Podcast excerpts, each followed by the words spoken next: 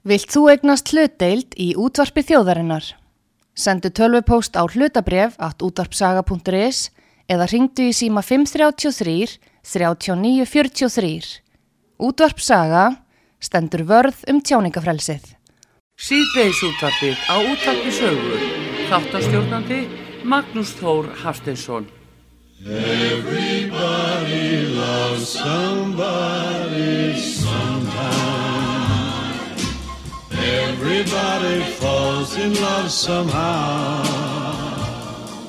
Something in your kiss just told me my sometime is now.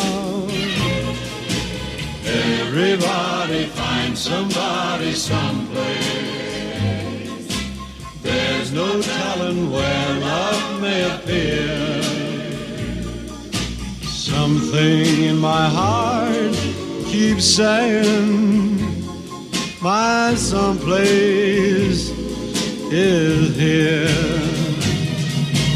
If I had it in my power, I'd arrange for every girl to have your charm. Then every minute, every hour, every boy would find what I found in your arms. Everybody loves somebody sometime. And although my dream was overdue, your love made it well worth waiting for someone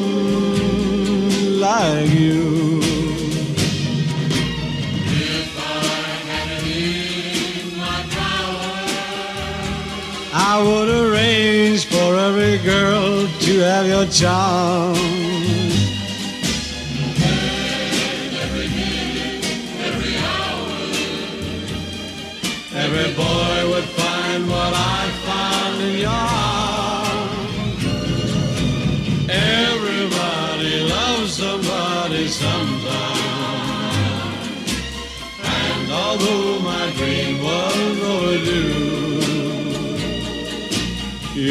Love made it well worth waiting for someone like you. Everybody loves somebody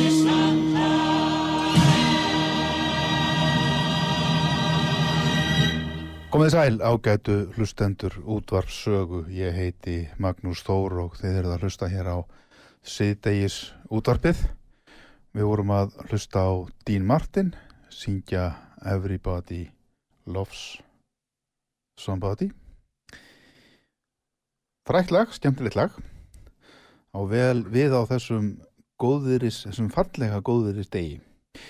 Til okkar er komin Birgir Þórarinsson alþingismadur sjálfstæðisflóksins í Suðurkjördæmi.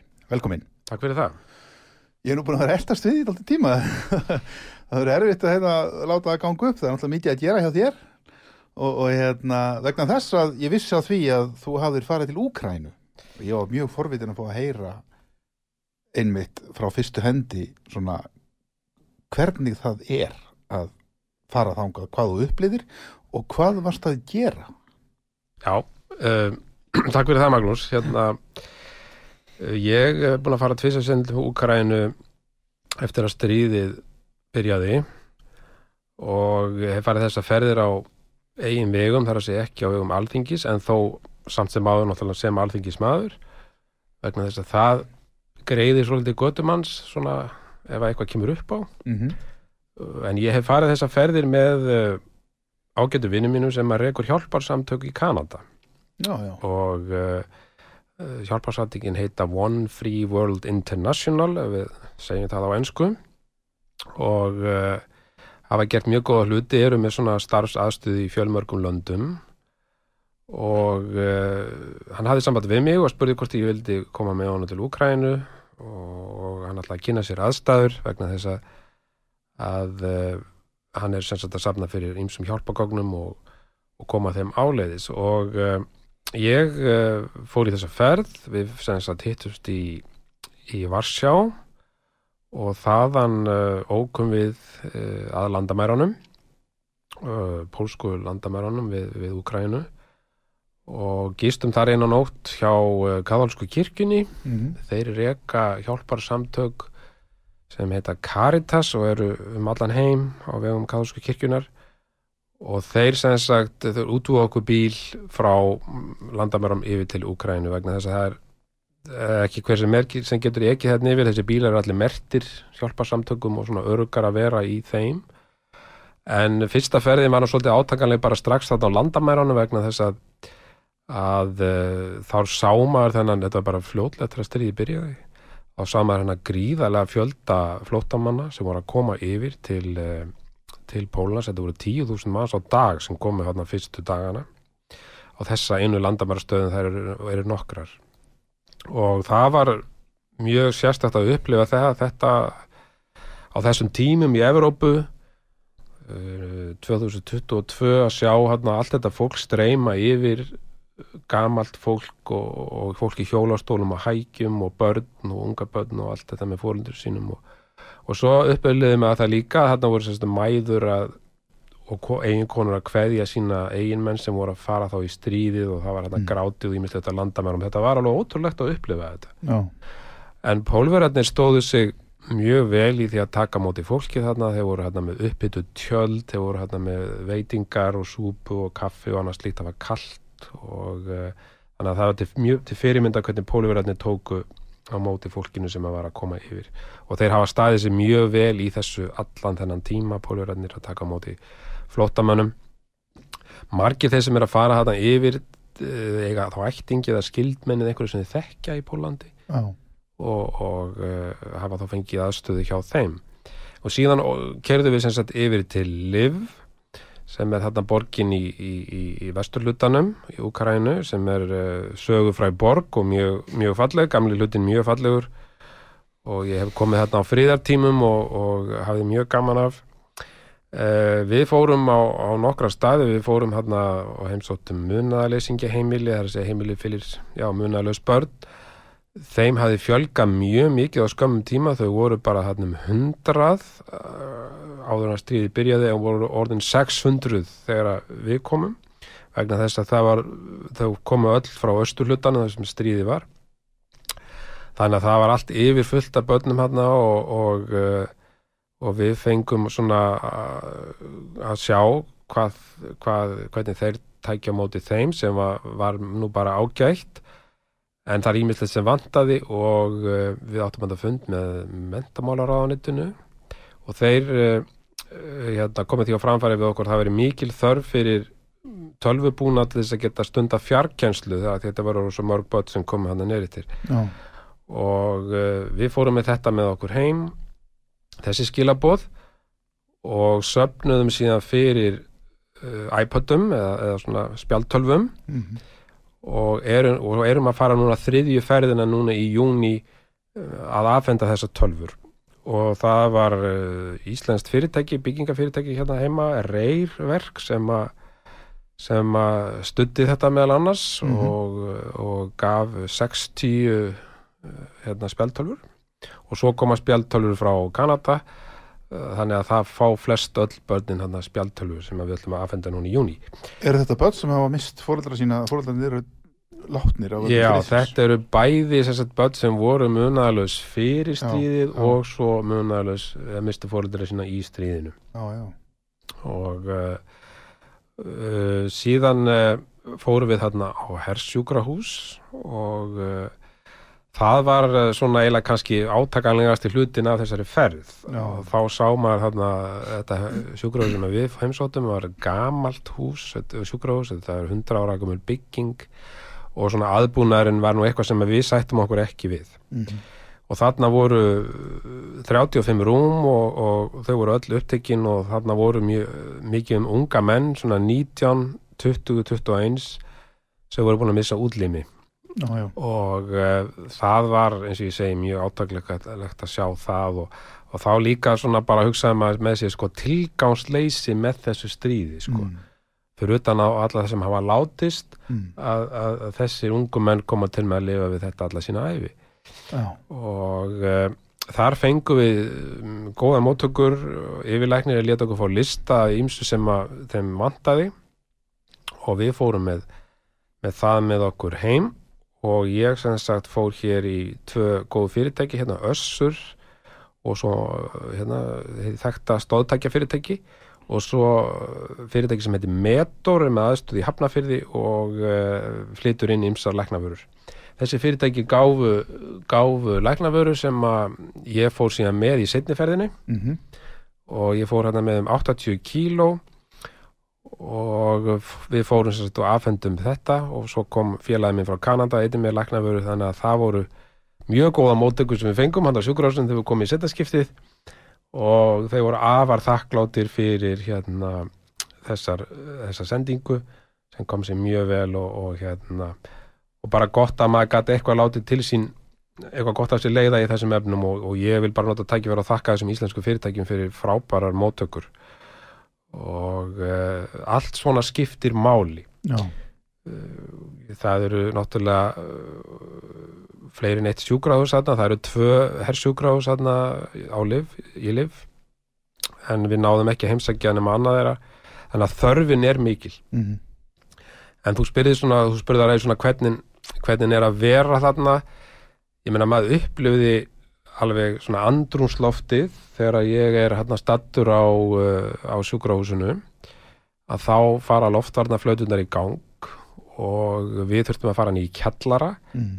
og, og það var öll, öll ljós í sjúkrahúsinu slögt og uh, við þurftum að býða hérna býða hérna í tæpa klukkutíma í kjallaranum þar til, að, þar til okkur var sagt að vera óvægt að fara aftur upp og maður er ekki upplifað svona áður og þetta er, þetta er sérstöku upplifun en samt sem áður gekk nú svona uh, í daglega líf svona nokkur, nokkur veginn eðlilega fyrir sig en maður fann, maður skinjaði þetta mjög í andursloftunni að það er náttúrulega það er svona ákveðin svona ótti eh, vegna þess að loftvarnarflötur er að fara í gang, það er verið að skjóta eldflugum hann en þeir eru með nokkuð upplugt loftvarnarkerfi sem að hefur þá varist þessum eldflögum og það var líka sérstakt þegar ég var stættur í Pólandi að þá, þá sá ég fjölmargar svona, eh, svona eldflöga varnarkerfi sem að NATO sendi pólverjum, Mm þetta eru svo kallað, svo, svo kallað Patriot já, hérna, eldflögar og það er mjög sérkynlegt að sjá þetta svona bara sko, í, í Evrópu og landi svo Pólandi, friðsumur landi. Að þetta er í, þetta er í va- varnarstöðu Já, já, þetta er bara upp. allt búið að stilla þessu öll upp og, og bara eins og segir réttilega í varnarstöðu uh, en uh, svo heimsótti ég nú og við gistum hjá Margeri Pétursinni sem er svona uh, aðstóðar Íslendingar sem koma hana uh, hann er svona okkur skona ræðismæður hana hann er farin austur aftur, hann var hér í þætti fyrir einhverju vikum, já, já, hann er farin aftur já, já, hann hefur verið mjög hjálplegur og gott að eiga hann að hana Mhm. en uh, við til dæmis fórum þarna á, á bílavegstæði sem að hafði bara verið sprengt niður bara nokkrum dögum áður en við komum. Og það var bara mjög sorglegt að sjá það. Þarna var, þetta var stórt bílavegstæði ég held að 20 og eitthvað uh, hérna, mann, manns eða bíla, bílavirkja sem vinna þarna. Rúsaskutu eldflögin í einhverja 2000 km frá Svartahafinu. Já, og uh, hún lendir hérna á bílavegstæðinu klukkan kortir yfir átta um morgunin og bílavegstæðið opnaði hálf nýju Mhm. og það voru fjórir sem mættu fyrir vinnuna og þau dóu allir. Já, þannig að ef þetta hefði komið sko þegar vegstæðið var búin að opna að þá hefði orðið mannfóld orðið enn meira. En, en krafturinn í gríðalegur í þessu eðileggingi var ótrúlega mikil já, og bara allt hann í kring sko, stór gígur þar sem eldflögin hefði lent og þannig að uh, þetta býr fólk við á hverjum degi. Já. að, að þetta geti gerst. Talandi um einmitt, það var það sem mér fannst svo merkilegt að sjá fyrst eftir verið vanur því núna þú skamur sér frá að segja en, en, en það var þessi eðilegging Já. að, að hvað, hvað hægt er að valda gríðarlega miklu tjóni á byggingum með þessum nútíma vopnum. Ég mitt spurði einhvern viðmælamönda minn hérna í einum þættinum að því hvort að ætla að vera Valur Gunnarsson, hann hefur nú búið lengi í Ukrænu eru húsin svona hitla byggð í Ukrænu Nei, ég hann sagði nefnilega það líka, nei, nei ég, en ekki þannig. nei, þessi vopn eru bara svo já, rosa. já, þetta bara sko eins og þetta bílavegstæði þarna voru stálgrindur og þarna voru sko mjög þykir steiftir veggir. Já, og þeir lágu bara hann eins og kuppar út um allt. Er alveg og, og stálgrindin bara alveg kolbegluð og, og, a- a- sko, svo kveiknaði öllu saman og, og, rúður sprungu sko í ykkur kílómetra fjallæð já tortímingamátturinn í þessu nútíma vopnum er alveg svakalegur og miklu meiri alveg svakalegur og þess vegna óttast menn náttúrulega ef að, að eh, ef þetta stríð eh, dregst enn frekar á langin já, og rússum gengur ekki nógu vel að uh, þá gæti svo stað að koma upp að, að herinn, sá sem stjórnar þar eins og Putin til dæmis, bara gæti gæti orðið svo pyrraður að, að það væri möguleiki á því að nota svona kjarnokvopn sem eru talin vera mildari að maður orða þannig, þetta er kallað á Mm. ennsku taktikal og, og, en er engu að síðu kjarnokvopn mm og ef maður les svona eh, svona greiningar greinar eftir svona sérfræðinga eins og í, blöð, eins og í tímaritum eins og fórin að feris og svona Mm. að þá, þá segja þeir að þetta sé, þessi möguleiki sé upp á borðinu. Já, að hann geti notað þetta. Já, og það er náttúrulega bara alveg skelfileg tilhugsun sko.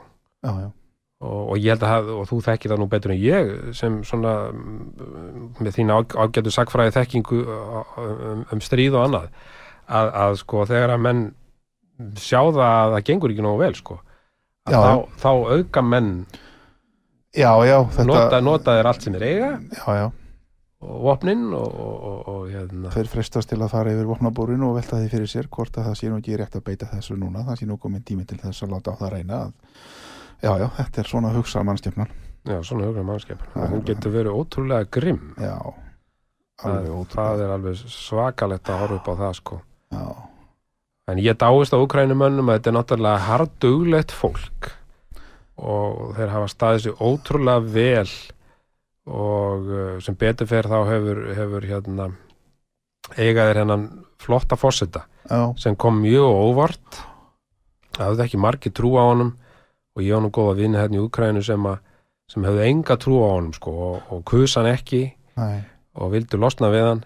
En þeir dá hann í dag. Já, og þetta skiptir svo ofsalega miklu máli á svona erfiðum tímum að það sé öflugur þjóðarleitói og hann er svo sannarlega sínt það að hann er það og, og, næra að fylgja fólkinu á bakið sér. Já, og þeir hafa staðið sér mjög vel í því að, að eh, vera í sambandi við Vesturlönd og uh, nú sitt ég til dæmis í Evrópu ráðunu og þar hef ég spjallað við, við fulltrúana frá Úkrænu og þau eru ótrúlega dugleg að, að senda okkur alls konar upplýsingar og ég er hérna með sko í símanum mínum hérna app sem að sendi mig stanslaust daglega upplýsingar um stríðið Mhm. og, uh, og þeir hafa staðið svo rosalega vel í þessu. En hvernig, þú myndir senni upp af á sorgina. Sem ástvinir aðskilnaður stórslasaðir menn, örkumlaðir ungir menn í blóma lífsins.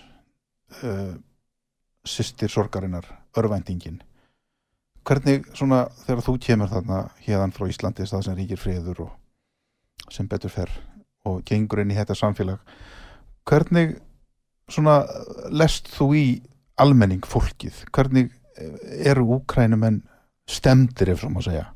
Eru þeir baráttuglaðir eða eru þeir þungir á brún, áhyggjufullir jafnvel örvæntingafullir eða hvernig, hvernig svona, bara svona þú sjálfur Já, fyrsta lagi bara uh, fannst mér ég bara vera svo lánsamur að búa á Íslandi. Já, það er þessu friðsama landi, eigu hér í Allandshafi já, sem við þurfum ekki að hafa stórar áhyggjur. Já, og uh, bara saga náttúrulega þessar þjóður í Evrópu hafa náttúrulega búið við stríðsrekstur og, og eins og rússandi náttúrulega líka. Þeir eru auðvitað fyrir gríðarlegu manntjón í, Mikil í heimstyrlutinni og en uh, og ég, eh, ég sá það greinilega að eldra fólkið mm, það hefur það hefur, sem finnst mér meiri áhyggjur. Það hefur upplifað stríð áður og veit hvað það er og það eru hörmungar sem því fylgja. Mm, og uh, ég talaði hérna við einmitt uh, svolítið að eldra fólki sem að, sem að og það var alltaf á sama veginn sko við vorum að tólk með okkur sem að hann að maður gæti alveg spurt fólkið og hann tólkaði jafnóðum og, mm. og unga fólki fannst mér svona ekki hafa alveg eins miklar áhyggjur. Það einhvern veginn svona uh, var svona einhvern veginn á því að þetta myndi þessi myndi fara að linna. En þó fannst mér minnist að ég til dæmis talaði við eina unga konu sem að við aðstóðum við að fara til Pólans hún var ein með, með tvær dætur sínar og móður hennar þetta skilja móður sína eftir. Og bróður hennar mátti ekki fara yfir uh, landamærin. Og hún sagði við mig sko að, að mér finnst eins og hverjum mótni því ég vakna að þetta sé bara slæmur draumur. Já, ég er ekki alveg að trúa því að þetta sé að gerast og uh, þegar maður bara kemur svona bara verður partur af þessu samfélagi svona, uh, allt í einu sko að þá finnur maður náttúrulega mjög mikið að, að það er eins og segir réttilega að það er örvænting. Já, fólk er náttúrulega eins og sem kemur á austurhlutunum það er búið að missa allt sitt. Já, og uh, þegar við, við vorum þetta við landamæri við Póland og þegar var, fólki var að streyma yfir að þá maður sko gamalt fólk með kannski bara tvo plasspoka þetta voru bara þeirra eigur. Já það var bara búið að leggja þeirra húsnaði í rúst. Það voru bara þeirra eigur. Allt sem það hefði unnið á æfinni og já, já, byggt upp og allt, Já. allt farið. allt farið. Og uh, að samaskapi finnst mér ótrúlega segla í þessu fólki sko. Og einhvern veginn að að, uh, að skuli þá bara yfir, yfir, yfir höfuð bara hafa þreg í það að, að, að leggja í þessa ferð að, að hérna það þurfti að ganga, hérna marga kílómetra að landamærum, það var ekki hægt að keira að landamærum og uh, þannig að það er erfitt að setja sér inn í þessi spór, það er Já. þannig og, og, og eins og ég segi bara, maður er sjálfur bara lánsamur en þetta er rosalega nálat okkur. Já, ef maður, maður hugsa þetta þannig að, og, og líka bara þýleitinu til að nú sýtti í utarikismálu nefnd og við vorum að koma frá Finnland og Tall- Tallinn og vorum svo heppin að vera þar á þeim tíma þegar þeir sóttu um aðeldina NATO. Einmitt. Og hver hefði trúað því að Finnar væri að fara að sækja um í NATO? Ég það hefur aldrei verið hljóngrunnu fyrir þessu með að finna. Nei, nei, og Finnland er nú bara ansinn nálat okkur. Og þeir eru hérna 1300 km landamæri að, að Rúsla, Rúslandi þannig að þetta eru mjög sérstakki tímar í Evrópu og, og þetta eru náttúrulega hættu tímar. Það er, það er alveg ljóst í mínum huga það þarf líka svo lítið til að verði bara gerði okkur afdreðarík mistök. Já, eins og þegar að bara rétt, ég held að þessi bara hafi verið teim, teimið að þreim dögum áður en að við komum hana í setniferðinni að þá skötu þeir á, á svona rúsættin á svona herstu þarna uh, Úkrænum megin sem var bara 20 km frá landamærin Pólans já. Og það var tölvert mannfall. Mm og uh, ef þessi eldflöð hefði til dæmis bara farið yfir til já hvað hefði þá gerst? Já, við höfum séð svona gerast eins og þegar farþegar þáttan hollenska var skotið niður yfir Einmitt. 2014, var það ekki? Já. Sumarið það var svona Já. Ég, ég veit ekki hvort það var kallað slís en, en, en, en, en það var einhver svona ófyrir síður atbörður, skjálfingar atbörður ef svona laga gerðist í dag í þessu ástandi Mhm. sem er núna, Mhm. þeirri púðurtunni sem er orðin núna, Já, sem var ekki þá þá er ég hrættur um að, að hérna, hlutinni gætu farið rætt úr böndunum. Þarna voru bara einhver, einhver herflokkur sem var með hættuleg vopni í höndum og taldi sennilega að þetta væri herflugil og þeir bara skutu þá var þetta bara er allir fórust, fleiri hundru manns þetta er alveg laug rétt hjá það Magnús að, sko, þetta er, Þetta við erum, er að, við erum að dansa á þessari nýfseg núna hvern einasta dag og finnst, ég hef mikla ráðgjör á þessu og, og mér finnst löngu tímabært og ég segi það bara og, og, alþjóð og samfélagi ætti bara að gera það bara núna að kröfu að menn setjist bara niður núna og semji og hætti þessu. Því þetta er svo hættulegt. Algjörlega þetta er, þetta er sko og eftir því sem þetta dregst á langin, Já. þá verður það hættulega ekki spurning, maður sér þetta versna dag frá degi. Já, orðanótkonin og annað og, og, menn náttúrulega hafa verið að tala um það jafnvel að eins og bentir á áðan nefndir tjarnmörkuvopnin, menn eru fattin að tala um það að það sé hætt á því að eitthvað slíkt gerist. Það er að sé að stríðsæðilar eru að tala um það, þá er ég að tala um rússa. Já þetta er bara, þetta er eitthvað sem við Björn Bjarnarsson var hérna hjá mér núna í síðustu viku og hann sagði það að sko staða núna er miklu hættulegur og alvarlegri heldur en hún var í kaldastriðinu. Já, ég tek að algjör- þá töluðu menn saman þá voru alltaf einhverja báðulegðir til. Mhm, mhm. en núna þá er það ekki. Ég heldur ekki til að bjassitna á það að menn fara að semja á næstunni sko. Nú er verið að reyna að semja um að flytja korn. Já, Tyrkirni voru að reyna að koma að því einhvern veginn og, og uh, að úgrænumenn fengju að flytja korn sem er náttúrulega uh, bara lífsnausilegt fyrir, fyrir þessa sérstaklega eins og í Afríku og öðrum löndu sem hafa að kaupa mikið korn á já, og það hefur ekki gengið, það hefur Mm. ekki fengist leiði fyrir því. Þannig að ég er ekkert bjassinn að við séum að horfa á einhverja friðarsamninga á næstunni en, en auðvitað auðvitað vona maður það þú talaði ráðan að þú fylgist vel með gangi mála í Ukrænu, þú með fylgist með að fara daglega fréttir eða jafnvel klukkutíma fresti eða hvernig það er jú, jú, hvernig metur þú vikstöðuna núna? Er, eru, eru rússar að hafa betur eða eru úkrænumenn að hafa betur? Mér sýnist þetta ekki ganga eitt mjög vel hjá úkrænumennum.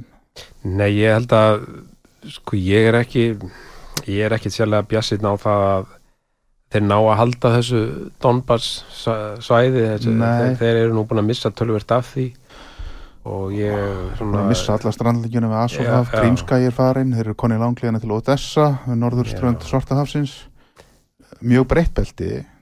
Mér sýnist allavega að þeim kortum sem ég er að sjá á netinu að þeir eru svona smá saman að naga sig inn í Ukrænu.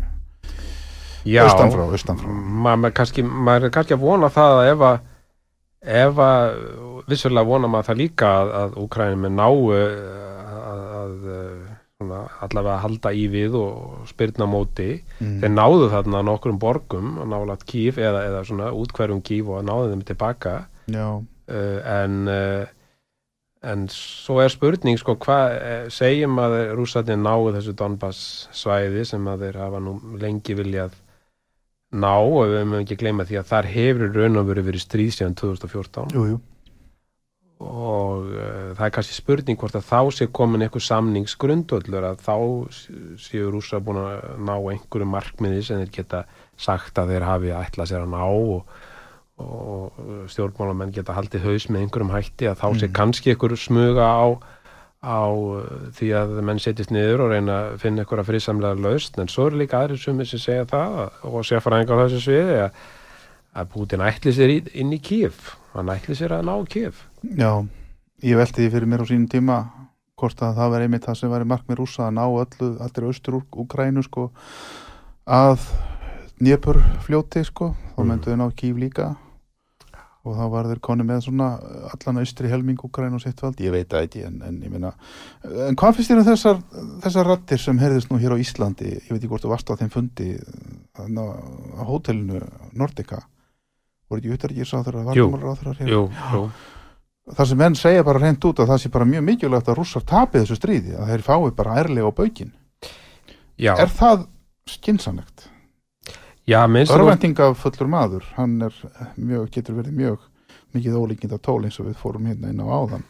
Ef rússar verða niðurlæðir. Já, það er nefnilega hættan. Ég tek undir það með þér. Það verður gengið of langt skilur að, Já. að, að þeir verði þá bara enn ofstopafyllri og enn harðstjættari og enn árásatjarnari og ég veit það ekki, ég veldi þess bara fyrir ef að, hann er nú svo sem, þeir hafa svo sem sagt það að mm. Uh, núna við nýjustu fréttunum að bandarækjumann að breyta sig að senda útkræmunum eldfjölaðkerfi, mm. að þá hafa rúsa svara því að það geti haft alvarlega afleggingar og hvað, er, hvað þýðir það er raun og veru, það. það er það sem við vitum ekki það er allt sem við vitum ekki nei, en þetta geti, þetta geti hæglega þróast því miður í það átt að að ef hann sér fram á það að hann er að tapa þessu að þá gæti hann eins og við, rættum á þann já, já, tekið upp stærri og, öflugur í vopn. En svo líka annað sem að sem að hefur gerst sem hefur kannski ekki fylgst ekki komið svo mikið fram í fréttum að, að, að það eru náttúrulega ríkin hann eins og Georgi og, og, og Azerbaijan. Nú til dæmis er hérna friðarsveit á vegum rússa e, við landamæri Azerbaijan og Armeníu. Mm, og ég ætla að segja um 2000 rúsneskir hermenn þar. Og það var alveg ljóst að þegar þetta stríð byrjaði þá náttúrulega beinist öll aðteklinn þangað. Og þá hérna sóttu þeir lægi hérna Azerbaijan og fóru að færa sig upp á skaftið. Þannig að svona eh, þetta, það getur, það, þetta getur haft afleðingar við það já, já, og, uh, og svo eru sumir sem segja það að ef að rússónum gengur vel í Úkræna þá sé Azerbaijan næst mm. vegna þess að þeir eru svo miklu auðlindir. Þeir eru olí og gas. Já, þannig að uh, sko, þetta getur haft uh, miklu svona víttækari afleðingar heldur við sjáum kannski akkurat núna. Mm. þeir eru náttúrulega með þeir, það er náttúrulega hersetta í, í, í, hérna, í Georgíu. Þeir, þeir náðu þar náðu þar landsvæði sem er halda ennþá. Og Georgimenn eru, eru tildulega ótastlegnir, ég veit það ég hef spjallað við þingmenn þaðan. Þannig að uh, við erum að horfa á bara miklu óvissu tíma og, og, og sannarlega sannarlega alvarlega tíma. Ég myndi, ég myndi segja það að, að þegar þetta dregst svona langina ég held að engin átt að von- vona á því að þetta myndi, myndi draga svona lengi þetta er svona langt stríð Nei. Nei. og ég held að rússar hafi náttúrulega eins og hefur komið fram í fréttum talið sig geta náð þessu svona tildulega hratt og vel og þeir eru bara velkomnir og, og annars lit Já. en ef að, ef að úgrænumenn fá, fá þessu auknu vopnasendingar og, og vopn sem er á ekki haft áður að þá gæti þeim orðið ágengt ég held að það sé það sé svona alveg inn í myndinni það gæti orðið ágengt í því að ná eitthvað þessu landsæðum aftur sem að, sem að þeir eh, sem hafa mist Mm. Einmitt, já. Já, uh, við þurfum að taka auglýsingal hér núna. Ég heiti Magnús Þór, við erum að ræða hér við uh, Birgir Þór.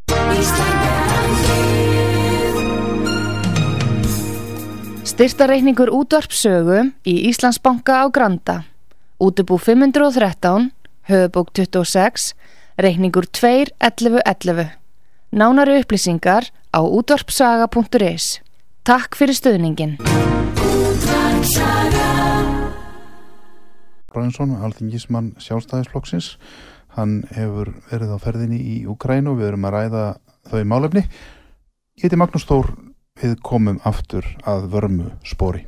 Síðdeis útvarpið á útvarpi sögu. Þáttastjórnandi Magnús Þór Hafsteinsson.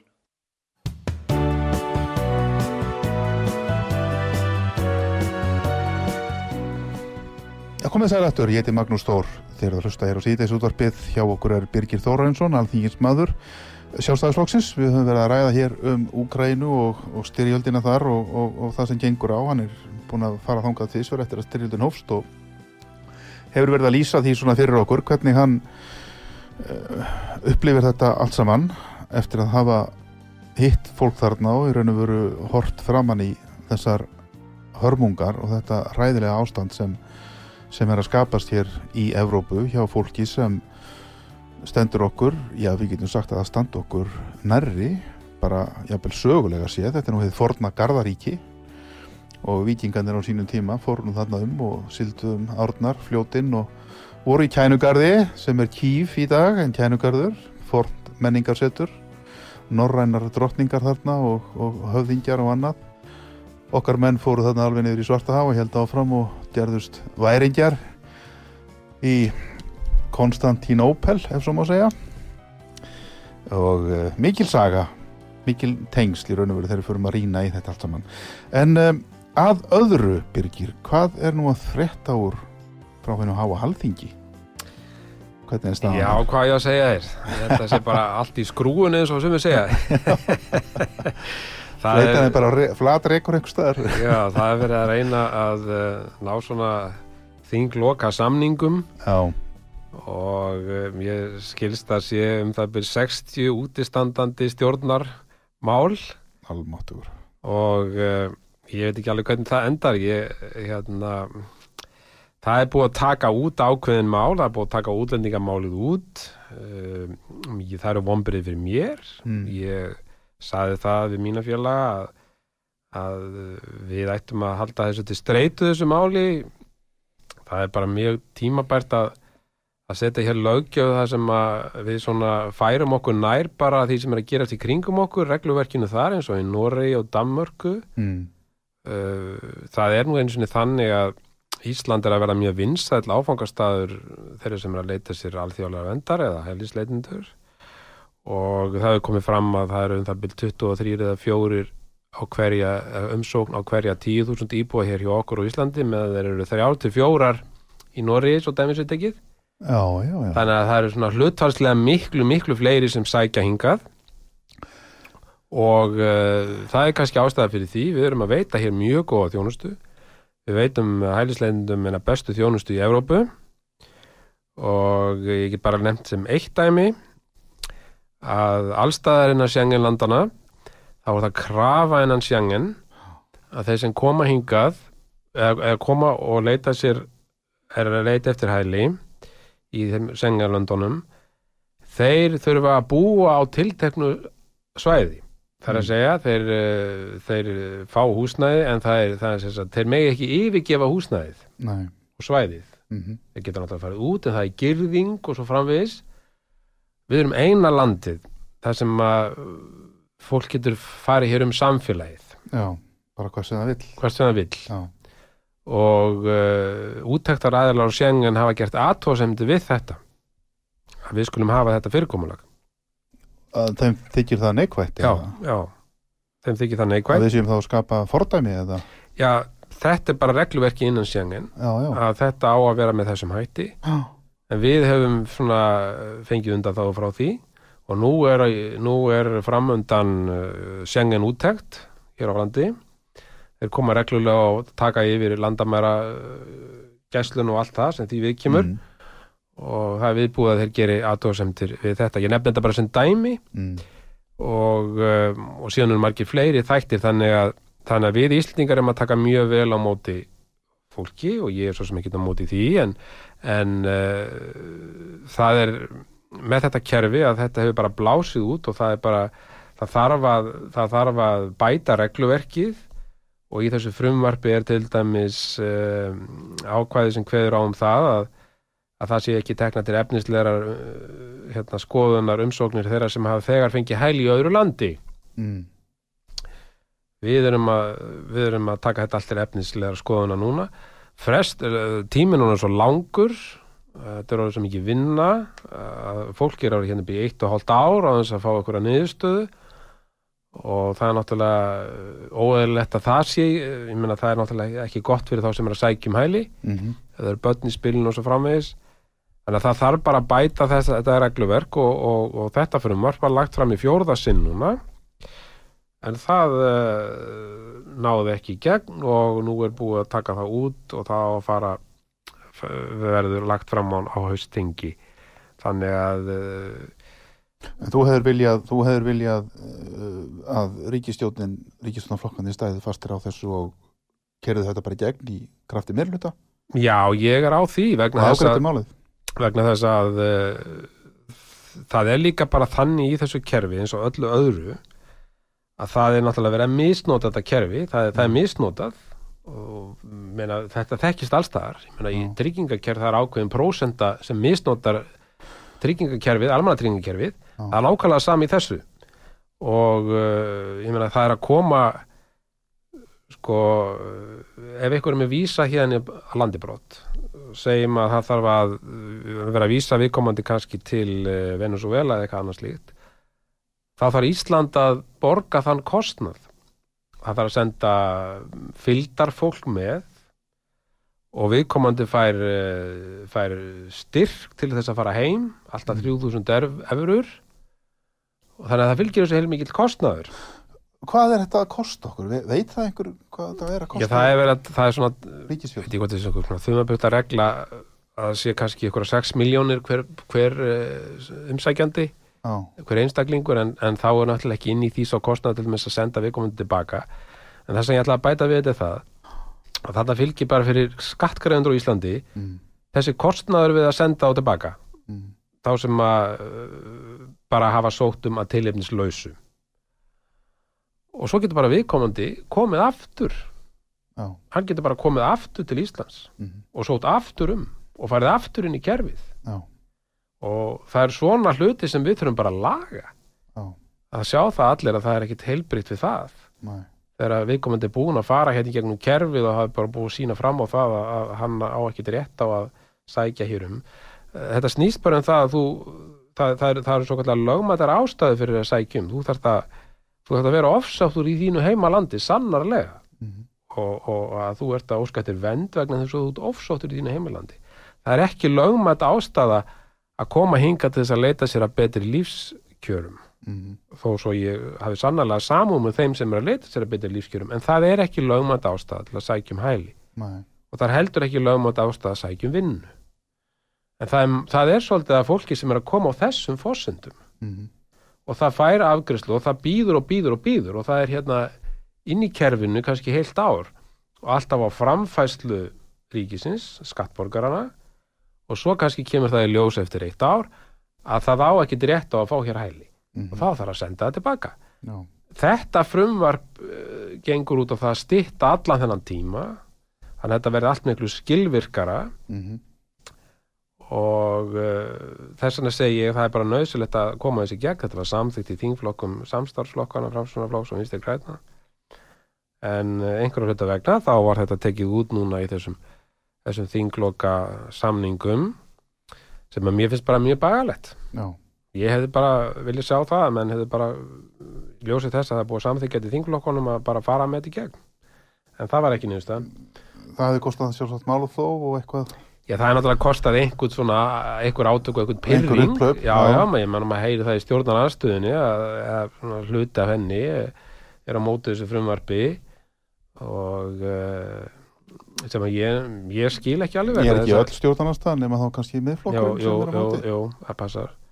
Og ég segi bara fyrir mitt leiti að, að hérna, ég skil ekki alveg okkur að hvers vegna stjórnarastan sko er svona eindreið á móti þessu, það er að vera það er alls konar uh, upprópanir í gangi í þessu máli, ég menna það er mann, tala um mannvon sko eitthvað svona, þetta er bara ránt ég menna Já. við, við erum að gera vel við þá sem koma hingað. Mm, en við þurfum náttúrulega bara eins og aðra þjóðir að hafa ákveði regluverk. Já, já, og, og meina, við getum aldrei tekið á móti öllum. Það er bara þannig. Og við höfum náttúrulega velferðarkerfi, ég meina þetta kosta þetta kerfi, þetta hæðislendakerfi kostaði stíðustu fjárlugum fjóra miljardar mm, og það er inn, inn í er til dæmis ekki heilbriðisjónusta sem að margir hverju þurfa á að halda. Mm, og þessi kostnaði bara heldur áfram að vaksa og vaksa og vaksa uh, við, við viljum taka vel á móti fólki frá Úkrænu uh, og hefum sjálfsögð að gera það. Uh, en þetta, þetta kemur bara í veg fyrir það að við getum sannarlega tekið vel á móti þeim sem að eiga virkilega að hjálpa að uh, halda. virkilega á hjálp að halda. Og uh, ég er til dæmis að fara núna í ágúst til Pakistan og Afganistan og uh, fer þar reyndar á eigin vegum en, en er gera, ég er að gera skýslu fyrir, fyrir hérna Európaráðið um stöðu afgangs, afganska flóttamanna eftir að sagt, talibanandi tóku við. Já, og uh, þar mun ég heimsækja þessar flóttamannabúður sem þar eru þannig að þá get ég fengið að sjá þetta með einu augum við hvað aðstæður fólk býr. Mm, það er alltaf verið að tala um það dæmis að, að, að það sé svo slæmt að senda fólk til Gríklands mm, tilbaka.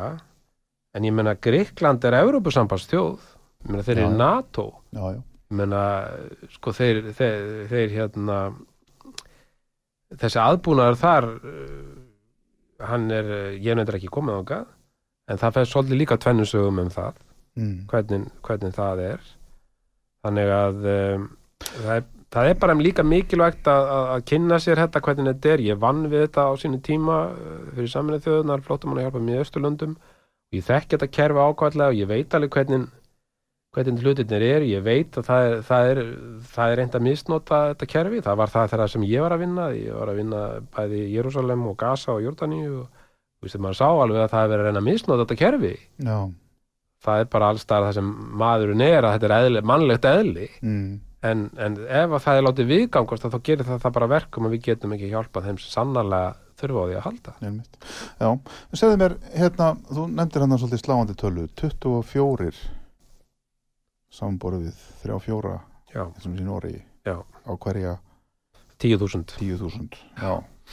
mm hver er, þú segir það að séum, þetta sé vegna góðmennsku okkar að hún hafi spurt út, það hafi frest já, já, klárlega um sko. að, og ég er búin að funda með útlendingastofnun um þetta en er einhverjir að gera út á þetta?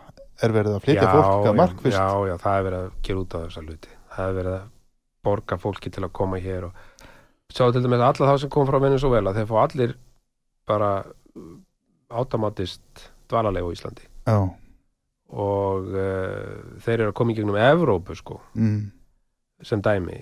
Uh, ég held að ástandið sé ekki það slemt þó sé þessi slemt í, í, í, í svona pólitíska suðin í Venezuela þá, þá býr það nú engin það er ekki stríðsástand. Mm. ekki hungur. ekki hungur, svo dæmis er tekið. En uh, sko þeir sögðu mér í útlíkastofnun ástæðan fyrir því að við erum svona vinsæl er fyrst og fremst svo að það tekur svo langan tíma að afgreða þessar umsóknir. Já, já. að, að fólk getur komið hér og verið hér í landinu. Þú ert búin að redda þér næsta eitt og Já. árið í raun og veru við ágætt, í ágættis lífi já, já, ég menna, þú, þú færð framfæslu, þú þú færð fæð og klæði já, og já. takk yfir höfuðið ég var, ég get sagt þér eina stuttasögu ég var eins og stattur í Georgíu og þurfti að fara þar á fund og, og ég fór á veitingastað og þá kemur mjög elskulegur maður og spjallar svona og svo spyr hann hvað við séum og ég segist þér frá Íslandi. Þá segist hann að hafa komið til Íslands. Já. og ég segi já, frábært. Og, og ég segi hvað, þú bara farið sem ferðamaður og ferðast? Nei, reyndar ekki sá Nei. ég fór sem hælislendi og ég segi, nú, byttu við okkur, hvað er, er þetta er nú bara friðsvælt land hérna, ég hef nú búin að ferðast hérna og þetta bara frábært land. Já, vini mínir höfðu færi og þau sögðu þetta væri bara góð leið til þess að heimsækja landið. Já, og hann bara viðkendi það. Já, hann fór bara og, og var hérna í eitthvað ár og, bara túristi? Já, nei, hann sagðist meira að hann fengið vinnu og okkur veitingastæð og fengið bara borga svart. Já, já, Svo, það er svona dæmi, sko. Já, og þarna bara allt í hennu bara fekk ég bara konkrít dæmi frá, bara mjög óvænt frá einhverjum sem að, sem að hafi bara notað kerfið. Já. og var ekkert að hann vissi náttúrulega ekki að ég væri þingmaður sko. nei, nei, nei. Fannst það bara, já, já.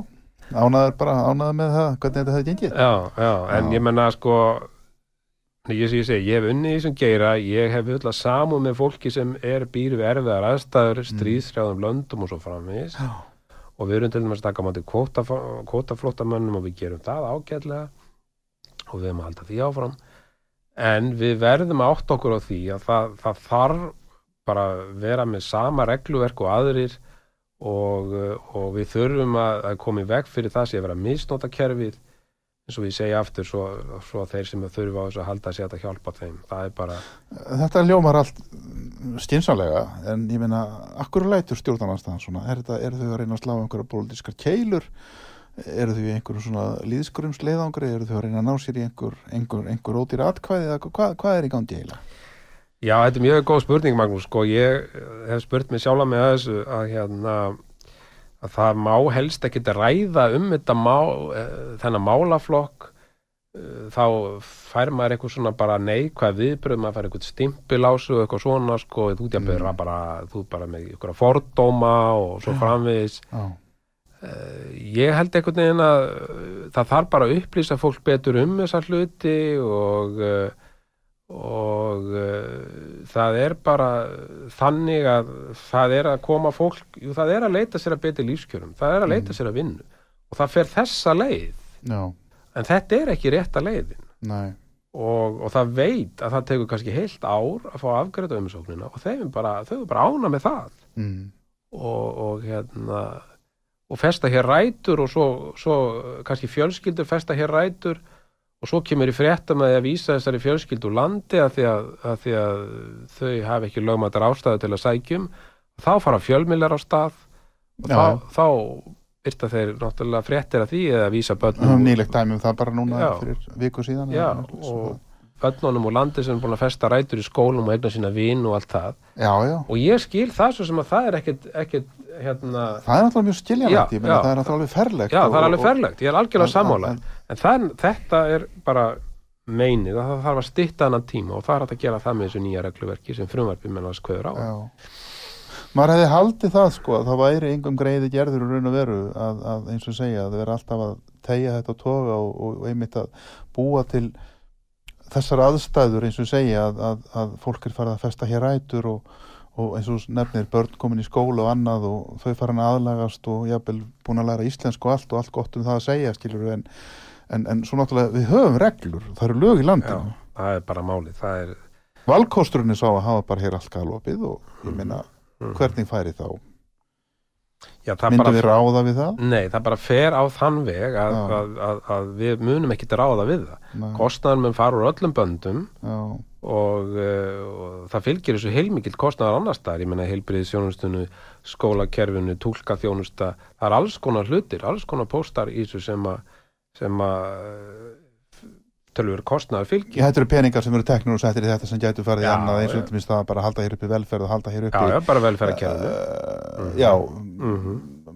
bæta haga aldraðra og öryrkja Já, já. og, og, og, og áfram barna og, bara nefna það Já, já. það er, það er, þetta eru Ég meina það er náttúrulega bara misnótkun eins og ég sagði þið frá þessum manni sem ég hitti í Georgiu. já, Hann kemur hér og hann er í heilt ár, mm, ríkissjóður, skaffar honum húsnæði, mm, það skaffar honum dagpenninga já, og hann fyrir að vinna svart, já, hverju veitingastað og hann er hérna í ár. Mm, og svo er hann sagt að fara og hann bara fer sjálfviljur. já, En hann er bara búin að vera hér á uppihöldi skattgreðandi heilt ár. Já, og sko þetta er bara ekki löglegt. Mm, og þetta er sama eins og bara einhver er að misnota bætur í tringakerfunu, einhver sem að kannski uh, er á kemst, eh, já, segjum bara einhver sem er á örgubótum og sem á ekki rétt á því það er alltaf ákveðin prósentu tala sem að er öllum löndum það sem að svona, svona kerfi eru já. og uh, því miður en, en, uh, en það er eins og að, að þetta sé ekki tiltök, tiltöku mál hjá sumum eins og stjórnarnastunni þeir bara einhvern veginn Hvað segðu, þú, þú, þú segist þér ósáttur með þetta sem þingmaður sjálfstæðisflóksins. Þetta hefur verið rætt þá þinglósundi væntalega. Og hvað, uh, trúir fólk því að, að þetta muni þá fá aðgræslu á næsta þingi? Já, það er það sem að maður, það er búið að lofa því en, en ég segi nú bara, þetta er fjórða sinn Þetta er fjórðasinn. Já. og það er ekkit leyndamál, ég sagði það bara að fundið að mér, ég bara treysti því ekki alveg þetta gangi næst Nei, nei, ah. þetta mun það efast svona bara til og frá. Já, þetta er náttúrulega bara því miður eh, þá virðist einhvern veginn og, og, og þá má ekki gleyma því sko að, að dónsmálar á þeirra tegði sér mjög lán Mm, gaggar stjórnarnarstöðunni já, að finna einhvern flöt til þess að reyna að ná samilir í niðurstöðu og var tilbúin að taka inn í frumvarpið ákveðna þætti sem að þeir lögðu fram. Mm, en þeir vildu bara allt og, og, og hérna allar sína tillögur vildu þeir bara fá inn og, og það var ekki hægt að ganga því. Ég skil það mjög vel þannig að, þannig að það er ekki við dómsmálar á þeirra að sagast hann gerði allt sem hann gati í þessu. En samstarflokkarnir, já, það VG? er bara jú, það var búið samþykkt í þingflokkunum. Já, Vafki samþykkt þetta við sem er fyrirvara. En uh, þetta var búið þetta, þetta er ávarpað í, í stjórnarsáttmálunum og, og uh, ég meina það, það, það bara stundu þar bara ákveðin átök að ná málum í gegn. Jú, jú, en það er náttúrulega best að næst eitthvað en þetta er bara mál sem hefur bara marg sinni sem ég segi alltaf dagað uppi já, já, og vandin eikst og kostnaðurinn eikst einmitt. Það er stemt að því að þingið lúki störfum þá allavega fyrir 17. júni, fjóðdæðdægin, reiknaði með. já, það er stefnt að því, Hvað ætlað þú að gera í sumar? Heyrðu, ég, svo sem verð nú held ég bara mikið heima við bara, held Mm. ég, ég, ég fer þarna í ágúst þarna til Pakistan og Afganistan eins og ég sagði. uh, ég ætla svona bara að vera í sko ég á nú eitt áhuga mál sem er nú svona hérna grjótleðsla Já, og uh, það er svona hressir til andar sálar og líka með svo sagt er og er svo Winston Churchill, hann var alltaf að múra múrveggi, hann var alltaf að hlaða múrveggi. Já, ég, það, bara Það slakaði aldrei betur áaldur en þá. Nei, gaman að þú skildi minnast á þetta. Ég var bara að frétta þetta um daginn. Já, þá hafa mér sagt þetta að hann hafi gert þetta. Þetta er ótrúlega hressandi. Já, og hérna, ég þarf ekkert að fara inn enna líkamsrætti eða svona sko. Nei, nei, ég þarf ekki að borga mig til þess að lifta ykkur lóðum. Og ég ætla svona að halda svolítið áfram með það, ég vil þið töluvert að grjóti og, og hérna ætla að halda áfram við það en það er svo skjöld merkilegt sko eftir að ég fór nú að hlaða svona mikið að grjóti hérna heima sem ég bý. Uh, hérna, þá gerði mest í járskjáltar hinn í 100 ár. Já, nákvæmlega. Og er ekki séð fyrir endan á því. Nei, en, en, en þeir heldu nú sko garðarnir Já, sem betur fer. Og, uh, en það kom sem sagt elgósið og ég sé það mjög vel heima frá mér, ég býsast á Vastliðströndinni og sá það beint upp að bænum. Já, þetta var náttúrulega mjög sérstöku upplifun. Að sjá þennan gós bjarma í fyrsta sinn Já, og upplifa þetta, er 800 ára kvíl það var alveg upp á Akranessi sko, maður horfði á þetta þetta var Já. alveg maður hefði aldrei trúað því að maður ætti eftir að upplifa þetta. Nei, nei. Nú býður maður bara eftir því að Snæfisjökull fara á stað sko. Já, þetta er norðurs og við, við, sko, við, við höfum ekki þurft að hafa ágjörða stríðsátökum sem við erum nú búin að ræða mikið í þessum ágæta þætti Magnús. En við höfum til dæmis og ég sagði það nú ég var á fundi í Ukrænu á, með einhverjum bladamönnum að þá sagði ég þannig að við þurftum nú ekki að hafa ágjörða þessu við þurftum bara að hafa ágjörða eldgósum og jarðskjöldum já, og menn hlóðu nú bara því sko. Það en, en, eh, en að því þú myndist á Akranis þá, þá eru sem sagt uh, þá var kirkju annáll skrifaður sko fyrir margt, margt löngu. Það sem að segir, það sem þessi setning kemur fram og það er til skrifa frá Snæfisnesi og þá segir sko Reykjanes brennur allt. Já er nefnilega það. Það var sem ekki gós bjarmi. Já, þetta er til í gamlu kirkjubókum. Já, en við skulum vona að það gerist nú ekki. Nei. En við erum greinilega komin á eitthvað svona óróa tímabil. Já, já, nákvæmlega, einmitt. Það er á það, tíma okkar er á þróttum. Birgir Þóraðinsson, takk fyrir komuna. Takk fyrir mjög skemmtilegt spjall. Sömulegis, gangi þér vel. Já, takk. Eh, Ég heiti Magnús Stór, ágættu hlustendur þegar það verið að hlusta hér á síðdeis útvarpið. Davíð takk